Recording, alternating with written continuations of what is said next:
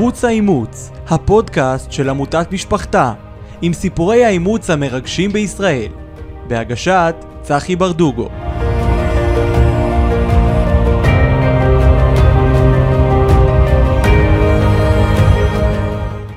טוב, ברוכים הבאים לערוץ האימוץ, אנחנו בפרק נוסף. שמי צחי ברדוגו, הפעם אני מארח בן ואימא מדהימים שהכרתי בעמותה, בעמותת משפחתה. אה, מתן בוני וטובי, בוני שמיר. בוני שמיר. אה, סיפור מדהים, אני אשמח שתשתפו ותספרו לי. אני יכול לספר אה, מהיכרות ממש ראשונה,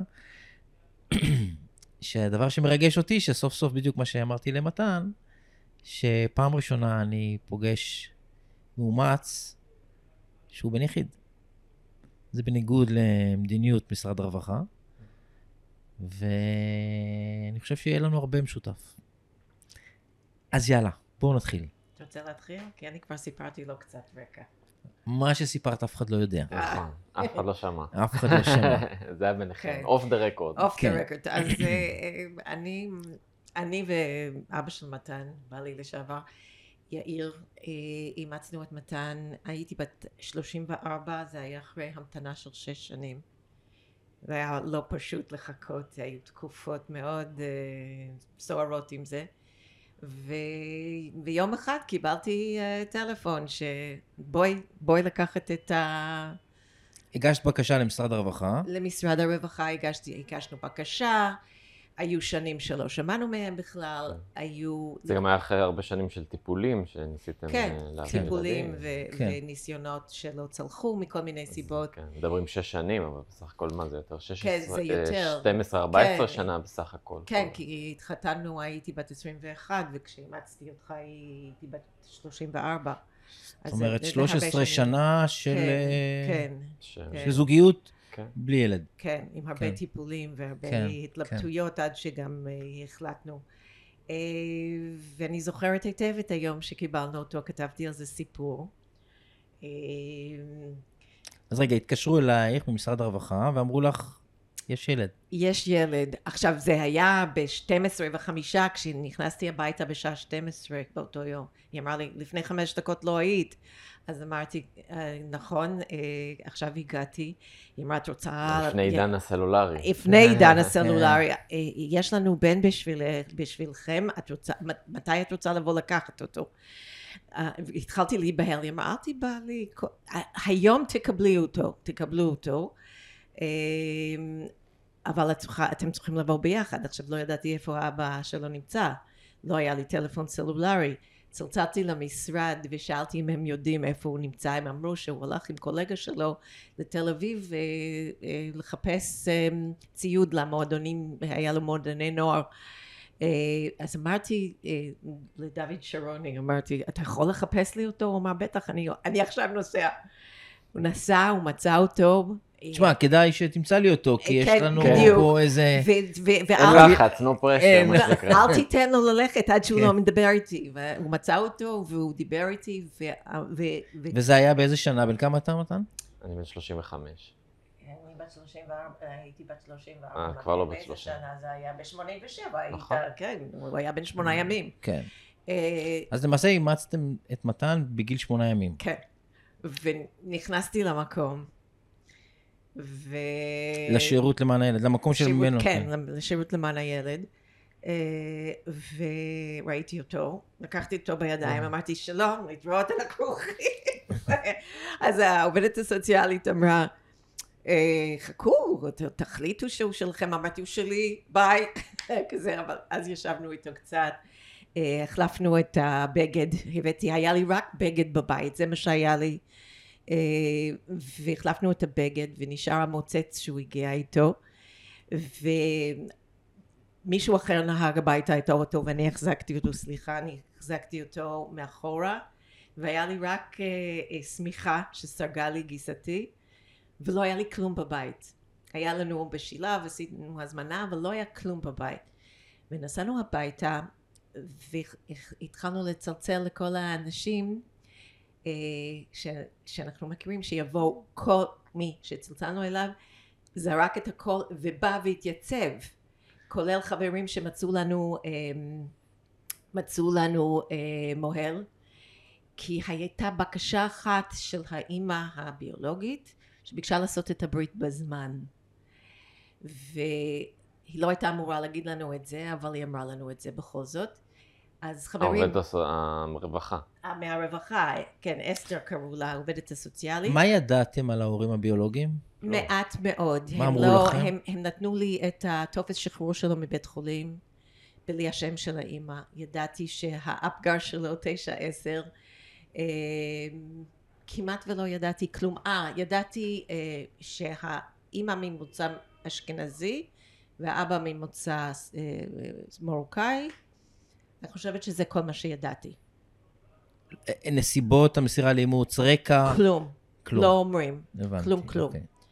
אמ, וזהו, והיינו בבית, הגיע מוהל, האבא ודוד שרוני שוב נסעו לשילב להביא, להביא עגלה, ושיהיה לי איפה לשים אותו באותו לילה. והמוהל אמר, אני לא יכול לעשות את הברית אם האבא איננו. אני אחכה עד אה, צאת הכוכבים.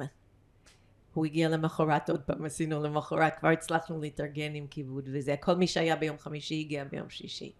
וזה היה ההתחלה. וואו. אה, כמו שאמרתי, הוא היה ילד מתוק להפליא מההתחלה, ילד טוב. היה, משהו השתבש בדרך. משהו, כן, כן, עכשיו לא כל כך מתוק, אבל אה, לא, בסדר. אה, וזהו, מתי- ו- מתי סיפרתם לו? בוא, בוא ת, תשאל אותו, כי אני יכולה להגיד לך שסיפרתי מהרגע הראשון, אבל אני רוצה... אני מאשר, מה שאומרת. אני באמת, הרבה שואלים אותנו, את המאומצים, מתי סיפרו לך, מתי ידעת, ממתי אתה יודע? אה, ואני לא זוכר איזשהו רגע כזה שהושיבו אותי ואמרו לי, אז אה, אני מתאר לעצמי שזה באמת מ... מגיל קטן של סיפורים, נכון? סיפורים כן. כאלה שלפני השינה מיוחדים למאומצים. את ו- זוכרת אה, רגע מסוים שסיפרת לו, או שאת אה, אנחנו זוכרת? קיבלנו הדרכה להיות מאוד גלויים ולהכניס את המושג אימוץ בתור משהו טוב. אה, שלא יהיה מצב שמישהו אחר יגיד, או שהוא ישמע את זה מאיזשהו מקום. אני זוכר שתפסתי את זה מגיל קטן בתור איזשהו יתרון, משהו מיוחד. אני זוכר שהייתי מאוד פתוח עם הילדים בבית וככה אתה ספר. מציג את זה גם. אפילו אמרתי לאנשים, כלומר, לא, אני, אני יותר טוב כי אני מאומץ, אני, כן, אותי, אותי בחרו, אותי ברור. בחרו, מה? כן, נכון. ב- ב- בגן, כשהוא היה בגן ודיברו על הריונות של אימא, אז הוא קם בגן והוא ככה הוא אומר, "אה, אני לא נולדתי מהבטן של אימא שלי, כי הבטן של אימא שלי היה מקולקל, ככה זה היה פחות או יותר ההצגה, ואני נולד, אני, אני גדלתי בבטן של אימא, של אישה אחרת. ואז הגננת באה אחר כך, איזה סיפורים מספר הבן שלך? אמרתי, הוא מספר את האמת. כן, זהו. וזהו. ואיך ו- אתה, איך אתה עובר את הילדות עם זה? אה, חברים? אחים לא היו לך, אבל לא. אה, חברים, בני משפחה, בני דודים. כן, אני זוכר שאם זה עלה... זה היה אישו? זה היה פתוח? כן. זה, אם זה עלה, אז הייתי באמת ממקום של... כן, אותי בחרו, אותי זה, כאילו מאוד שלם עם זה. ולפעמים זה היה תקופות שלמות שזה בכלל לא היה עולה, כי לא היה צורך שזה יעלה. כלומר, הייתי עם ההורים שלי, אה, אחרי הגירושים היה את האתגרים הבאים, נקרא לזה. של- לא, אבל אתה, כשהגעת לגיל של 15, 16, 17, כן. ידעת, רצית לפתוח את ידעתי, התיק, זה סיקר לא- אותך, או שזה לא דחף אותך? לא, לא הייתה דחיפה. כן היה איזשהו... זה היה מס... הייתה סקרנות, כן, רציתי לדעת בעיקר אה, אה, לדעת איך הם נראים, איך האמא הביולוגית נראית, אם אני דומה להם. דמיון, אה, חיפשת כן, דמיון. חיפשתי דמיון, חיפשתי... אה, תמיד דיברו על, אה, על הדתיות כזה בבית ספר, ו... וזה, מוצא, ואתה כן, מוצא, אבל- ואני לא בדיוק ידעתי לשייך את עצמי ו... ולהגיד מה זה, אז כן, ברמה הזאת כן, אבל לא יכולתי, לא, אני לא, לא חיכיתי לגיל 18 להגיד, טוב, אני בגיל 18 בא, לא, פותח את התיק. בגיל 18 ויום לא הלכת לפתוח את התיק. לא, לא, אני זוכר אפילו? שיחה עם אבא שלי, זכרונו לברכה, שהוא נכנס לחדר ואמר לי, אתה יודע שמגיל 18 אתה יכול לפתוח את התיק? Mm, אמרתי, לא, לא מעניין. כן. אני חושב שזה היה סוג של שילוב של, באמת לא הייתי בשל באותו, באותה שלב לפתוח את התיק, ובאמת אולי היה הרבה, הרבה דברים שזה היה, שעצרו אותי, אבל יכול להיות שזה גם היה סוג של אה, לתת להורים שלי להרגיש טוב. כאילו, לתת לאבא להרגיש טוב, לאימא, ושאלה, אתם ההורים שלי, אני לא מחפש אה, תחליף, אני לא מחפש זה. אה, זה, זה פעם אחת, אני רוצה לספר משהו, וזה בטח יביך אותו, אבל בסדר, לא נורא. אנחנו פה? בשביל להביך כן, אחד את השני. בטח. אז כש, אה, כשעשיתי אה, עשיתי טיפולים, עוד פעם, עוד מחזור של טיפולים, וידעתי שאני הולכת אה, לבית חולים, והפילוסופיה שלי היה להיות פתוח, שילדים מבינים הכל, שצריך רק להסביר בגובה העיניים, מה שהם יכולים להבין. אז אני סיפרתי לו, אמרתי לו, אתה זוכר שאמרתי לך שהבטן שלי היה מקולקל ושלא גדלת שם? כן, הוא היה בערך, אני לא זוכרת בדיוק בין כמה הוא היה. ואני הולכת עכשיו לנסות אה, לתקן את זה, את הבטן, כדי שיוכל לגדול שם עוד תינוק, ואם אם יצליח אז אולי יהיה לך הכרחות. אז הוא שאל אותי אם אני הולכת לתקן, אם הולכים לתקן את זה עם פטיש. אז אמרתי, לא, אבל עם כלי אחר של רופאים. זאת אומרת, אני תמיד הייתי מנסה לתת לו הסברים בגובה העיניים, ומה שהוא היה יכול לתפוס באותו זמן. ומתי פתחת את התיק? פתחתי את התיק בגיל מאוחר יותר, 27. זה היה בשנה האחרונה של הלימודים שלי בתואר, תקשורת, במכללת ספיר. שמשהו בשינוי האווירה, שאתה מגיע... היה למק- משהו שגרם לך לפתוח את התיק?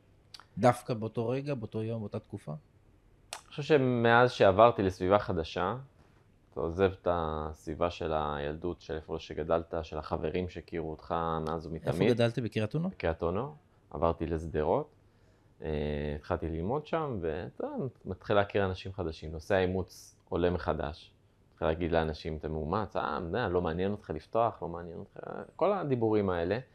משהו בשילוב של ההצפה מחדש של האימוץ, שהיום אתה במקום הרבה יותר שלם, אה, הסקרנות באקדמיה, שאתה מתחיל ללמוד ואתה... זה התחיל לחלחל, התחיל להגיד, טוב, רגע, אולי, אה, אולי זה הזמן, אולי עכשיו אני יכול אה, לפתוח את התיק, אולי, אולי זה מעניין, לעשות איזשהו מחקר. ואז באמת הייתה הזדמנות בשנה האחרונה של התואר, אה, הייתי צריך לעשות פרויקט גמר ברדיו, וישבנו ככה, אני והקולגות שלי, ואומרים, טוב, איך נמצא עכשיו סיפור מעניין? למי יש סיפור מעניין? ואז מתק... מסתכלים עליי כזה, ואז אמרתי, אתם יודעים מה? בואו נפתח את התיק, אני, אני מוכן לפתוח את התיק, ואנחנו נעשה על זה דוקו אה, רדיו, אה, כמו אה, דוקו כזה ברדיו, ואני אתעד את כל פתיחת התיק בזה, והם היו בהלם. מה, אתה באמת כאילו, אתה מוכן? וואו, אמיתי, כאילו, אמיתי. בזמן אמת. ואמרתי כן, הולכים על זה. וכאילו, מאז אמרתי כן, ולא הסתכלתי אחורה. זה היה באמת, היום אני חושב על זה, זה, זה צעד מטורף. צעד מטורף, כן. כן, אתה צריך לשמוע כי- את התוכנית, כי- התוכנית מבריקה. כי, כי זה צעד מטורף, כי אתה לא יודע מה אתה הולך אתה לא לשמוע. יודע, אתה אתה הולך לא יודע ל- מה אתה הולך לפגוש. כן. קראנו לזה המסע אל הלא נודע, זה באמת ככה, המסע אל הלא נודע. כן.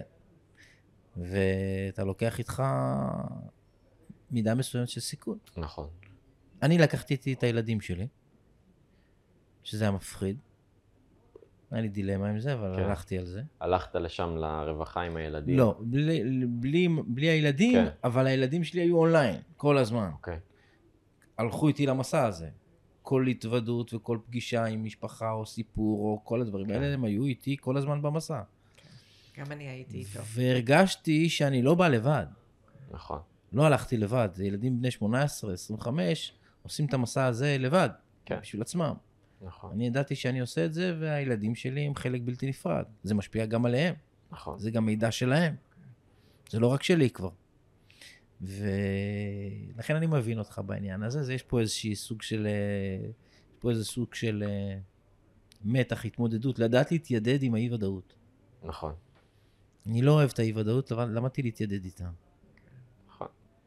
כן, הייתה לי רק בקשה אחת, אני הייתי איתו גם אה, ממש אה, אמרתי שיש לו את הברכה שלי ופשוט ביקשתי ממנו שאני בלופ, אני לא, אני אה, רוצה להיות איתו לא- שמה, לא, לא ש, שלא יעשה את הדברים לבד ואני אהיה בחושך ככה מחוץ לסיפור. הוא שיתף אותך. כן, כן. זה לא היה פשוט, אני יכול להגיד, אני גדלתי, הייתי מאוד uh, מסוגר, אני חושב. כן. Uh, כלומר, יש את הצד שלה מאוד uh, אוהב את הבמה ולהצחיק ו- וכזה כן, עם אבל החבר'ה. זה לא אותם פנים. אבל זה לא אותם פנים. אה, אני לפעמים הרבה- הייתי הרבה שומר לעצמי, הייתי יכול להיות אה, קריירה מבטיחה כאיש מוסד או משהו כזה, כי מאוד שומר את המידע קרוב ל... נו, אתה דומה לי, יש לי גם אה, שני צדדים. זהו. זהויות שונות? זהויות כן. אני ו- גם, אני מופיעה על הבמה, אז אני מישהו אחר, ו- אבל אני יכולה להיות כן. שעות לבד כן. עם עצמי ועם ההרהורים. אבל לשתף כל הזמן כן. את המידע וכל הזמן זה היה תהליך אה, כן. שהיה לו עדיין לא פשוט, זה עדיין, אבל... זה עדיין, זה, זה עדיין קורה לו, עדיין קורה שבוע, אמרתי למתן. תעשה לי טובה, כשאתה, יש לך איזשהו מפגש, אני לא רוצה לשמוע את זה מבן אדם שלישי. תגיד לי, אני, אני שמחה, אבל תגיד לי אתה, ולא שמישהו אחר אומר לי, אה, את יודעת שהוא נפגש עם זה וזה. זה נורא יפה, אתה יודע, זה לא מובן מאליו. כן. זה לא מובן מאליו תחוש- תחושה כזאת, ופה אני איתו, ב... אני, אני, את יודעת, אני בצד שלו, כי... כן. לא, זה לא אני- עניין של צד בכלל. זה לא עניין של צד, אבל לא, אני... לא, אנחנו אני- יותר מזדהים אחד עם אנחנו השני. יותר מזדהים, כי גם. לי היו דילמת כל השנים, מה אני עושה, איך אני מתמודד עם זה, ואיך אני מתווך את זה, אם אני עושה את זה להורים שלי, כן. אוקיי? ואני בחרתי בדרך מסוימת שהחלטתי לא לפתוח את התיק, עד גיל Mhm. 47 Mhm. בסוף, אבל עזבו אותי, אני... אה, אה, פה אתה עובר מגיל 18 עד 27, תשע שנים של... כן. שאתה לא רוצה לפתוח את התיק, לא ויש לך, חושב על זה כמעט. יש לך לא, אימא אבל- מדהימה שרוצה להיות שותפה. אה, ו- ולא שזה פשוט, ביום שהוא פגש את, אה, את איה, את אימא הביולוגית שלו, אני בכיתי כל הבוקר, כאילו, כן. אני... לא, אני עכשיו רוצה שתספר לי על הפתיחה. כן. אתה מחליט לפתוח את התיק, אתה הולך לשירות. לפתוח את התיק, הולך לשירות, מה עושים לך, אתה בוחנים אותך לראות אם אתה כשיר. כן. אתה מכיר את הסיפור ההזוי הזה? אמרה לי, טוב, אה, מהיכרות של כמה דקות, זה נראה לי כשיר, תבוא שבוע הבא, אני אספר לך את כל מע- מעלליך. ש... ופה זה פתאום הכה בי. כלומר, 27 שנים, אתה כן מעניין, לא מעניין, לא, זה פתאום, אתה, שבוע הבא אתה בא, אתה הולך לדעת את הכל. כלומר, מאיפה באת, כל, כל בעצם הפרטים שיש ההתחלה של להם, החיים. ההתחלה של החיים. ואז ממש זה הכה בי, והייתי פתאום סקרנות, כאילו לא, לא יכול לחכות עד שהשבוע הזה יגיע. אמ, ואז הגעתי אחרי שבוע, אמרה לי, כן, מה הפרטים שיש לנו, מה ביולוגית, היא מקיבוץ במרכז הארץ, אז לא סיפרה לי איזה קיבוץ. אמ, הייתה מאוד צעירה, הכירה את אה, אביך הביולוגי בקיבוץ, זה היה איזשהו סיפור אהבה כזה. אה,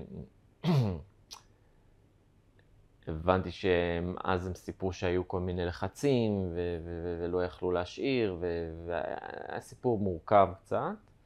אה, ושהייתה, כשנמסרתי לאימוץ, אז היה איזושהי הרגשה של אה, מחטף של האמא הביולוגית. היא הרגישה, היא הרגישה, היא מרגישה. אני חושבת, כן, עד היום. שהרווחה, כן. ש... משהו שעשו ב- בניגוד זה- לרצונה המוחלט. היא, היא בס- בסופו של דבר, היא, היא נתנה הסכמה. כלומר, היא חתמה על טופס מסירה חתמה, לאימוץ. היא חתמה. שמונה אבל- ימים, זאת אומרת שזה מיד אחרי לידה. כן. היא הייתה אבל במצב, היא אה, הייתה במצב רגיש. אה, מאוד מה, רגיש. נפשי? כן. והאבא הביולוגי? ואבא אה, לא היה בתמונה ב, בימים האלה, הוא, הוא היה- נראה לי היה בחו"ל הוא היה וחזר. בחו"ל. אבל הוא כן. אישר מסירה לאימוץ? הוא לא אני לא היה, חושב ש... לא, אתה לא חושב ששאלו אותו? כן. הוא לא היה בתמונה, כאילו, הוא- כן. הוא- הם לא היו, הם כבר לא היו הזוג כן. ממש. הם כאילו. היו, כשאתה נולדת הם היו זוג?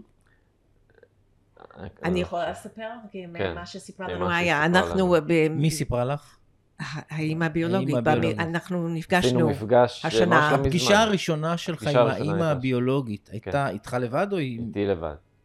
אוקיי. אבל הפרטים שאנחנו עכשיו יודעים בדיעבד זה בגלל שהשנה, מתי זה היה? זה היה בספטמבר, כן. נכון? לפני החתונה של אה, נתן. אה, אני, אני פגשתי את האימא בירושלים, היא, היא חרדית ועם אה, Hmm, חמישה משפחה ילדים. חרדית. כן. עם, עם, עם חמישה ילדים. כן. אז בפגישה אמרו לי שיש לך, זה- רואים היום שיש לך חמישה ילדים. יפה לך. אה, אנחנו בנים יחידים, פתאום חמישה אחים, חצי אחים, רגע, זה מצד האימא, מצד האבא מה? הוא לא התחתן. אז יש לך רק חמישה. רק. חמישה, כן. נכון. ואז... בעוד- יצאת בזול, אחי, אני עם תשעה אחים. וואו. הב- הביולוגים. וואלה. חמישה מצד האבא, ארבעה מצד האימא. וואו. מה, מה שאני הבנתי בדיעבד מהפגישה עם איה, שהיא סיפרה לנו שנפגשנו, אנחנו הלכנו ביחד. אה, אני הכרתי את רוב המשפחה לפני שהכרתי אותה. גם זאת אומרת, הסבא הביולוגי ואת האבא הביולוגי ושני הצדדים הכרתי עוד קודם. איך? אה, הוא התחיל, אחרי שהוא פתח את התיק ואחרי שהוא פגש אותה, הוא התחיל להכיר את כל כן. המשפחה, ושנה אחרי שהוא הכיר את האימא, הוא הכיר גם את האבא. אני רק אסיים לספר את ה- איך את הסיפור של ההיכרות. אמ, ספר. אז באמת, אמרו לי את כל הפרטים, שאלו אותי אם אני רוצה להיפגש איתה. אה, אמרתי, כן, בסדר, נו. בסדר, נו, עברתי את כל זה. אה, אז ארגנו את המפגש. מפגש... היא רצתה? היא- כן. היא... היה משהו בתיק שהיא הכניסה? היא פנתה לתיק? היא כתבה מכתבים? צירפה תמונות? לא, היא אבל הייתה הבנתי... אקטיבית באיזושהי דרך או שלא? אני חושב שהיה לה טראומה מאוד גדולה מה, מכל הסיפור הזה, מה, בכלל מהרווחה. אמ, אני יודע שאפילו היה בקשה אחרי כמה זמן, חודש, חודשיים, שהיא מתחרטת, או, או משהו וואו. כזה. וואו. אמ, אנחנו כבר סגרנו מאוחר- את כל. הניירות אה, חוקי. כן. כן. אמ, אז אה, הם הלכו לחפש אותה, בש- בשלב הזה הם לא ידעו שהיא חרדית. מי זה הם? הרווחה. הרווחה. אוקיי. אה, מצאו אותה, אה, נכנסו, לא ידעו בהתחלה איך לפנות. לא ידעו, אה, שכונה מאוד חרדית בירושלים. בלי טלפונים? לא התקשרו אליה? לא, יש טלפונים. כן, אבל הם לא, הם, הפגישה הראשונה שלהם, הם הלכו ודפקו בדלת. פיזית? כן. יואו. פיזית. לא להגיד לה, תשמעי, יש לך ילד יודע." שרוצה להיפגש כן. איתך. והיא התחילה לבכות, ישר ידעה במה מדובר. האחות באה מהחדר, האחות הבכורה. אה, העובדת אמרה לה, אני צריכה דקה פה עם אימא שלך. אני ראתה את אימא שלה בוכה. ואז היא הבינה, אמרה, אני יודעת על מה מדובר, מצאתם את שלומי. קראו לו שלומי. הם, מסתבר, רצו לקרוא לי שלומי. נתנו ב- שם. נתנו כן. ש... איזשהו שם. אה, עכשיו, אתה הבכור שלה למעשה. כן. עכשיו, החי... יש לה חמישה אחים ואחיות? בנים, בנות? כן, בנים ובנות. הם ידעו שיש להם? הם ידעו. היא שיתפה אותם? היא שיתפה, שזה מדהים, כי אני לא הייתי בטוח אם היא שיתפה, או מישהו יודע, או עכשיו שהיא עברה לעולם הזה, אני בכלל, אם היא אם שיתפה גם את תרצה. בעלה. ואז היא אומרת לי בטלפון, שאני מדבר עם העובדת הסוציאלית, אומרת לי, תקשיב, היא אמרה לי, כל שנה, הדליק הנר ביום הולדת שלך, והם היו יושבים סביב השולחן וחוגגים לך יום הולדת. שזה זה הכי מטורף. כי אתה אומר, אתה חי כל השנים האלה, ויש משפחה תשמע, ש... מתן, אני חייב לספר לך משהו. אני מאוד מתרגש, תשמע. אני הכרתי הורים ביולוגיים, כן, והאבא הביולוגי חיכה לי 47 שנים. הוא התחתן, הביא חמישה ילדים לעולם. והוא משתף אותם שיש לו בן בכור, שאף אחד לא שאל אותו, ומסרו את הילד לאימוץ. והוא מגדל אותם לאור זה שהם צריכים לדעת שיש להם אח בכור. וכל שישי הוא משאיר כיסא ריק. זה ממש מקביל. אז מה שאתה אומר פה הוא מטורף. כן, זה ממש מבין? מקביל. ואני בזה קיבלתי תחושה מאוד קשה. אני מבטא את זה כמה שיכולתי, והיה לי לא קל בספר, אבל אני מרגיש פתאום שמישהו חיכה לך. התחושה הזאת שאתה חי חיים שלמים, עסוק בחיים שלך, בונה לעצמך חיים, גם כילד, גם כנער, גם אחרי זה בתיכון, בצבא, ואחרי זה מתחתן, ואני... אה, כל- ואתה אתה חי את החיים שלך. אתה לא לוקח בחשבון שיש מישהו שמחכה לך. התחושה הזאת, שיש מישהו שאתה, שאתה מגלה באמצע החיים, שיש מישהו שאתה חסר לו כל החיים, והוא מחכה לך, היא תחושה שכואבת ומענגת בו זמנית. כן. כן. זה בין הדברים הבודדים שאני יכול להגיד עליהם דבר כזה. זה גם כואב וגם מענג. בו זמנית. זה משנה חיים. ממש. זה משנה חיים. אני חושבת שכל החוויה שלנו זה גם אפשר להגדיר אותו בתור דבר כזה שהוא מענג ו- ומכאיב בו זמנית. אה, כי אני קיבלתי החלטה מאוד מאוד מושכלת שאני עושה מהמשפחה של מתן הביולוגית משפחה מורחבת שלי. וואו, תשמע, זה גם לא, זה לא פשוט. זה- לא פשוט. אני, אני, אין לי משפחה גדולה בארץ,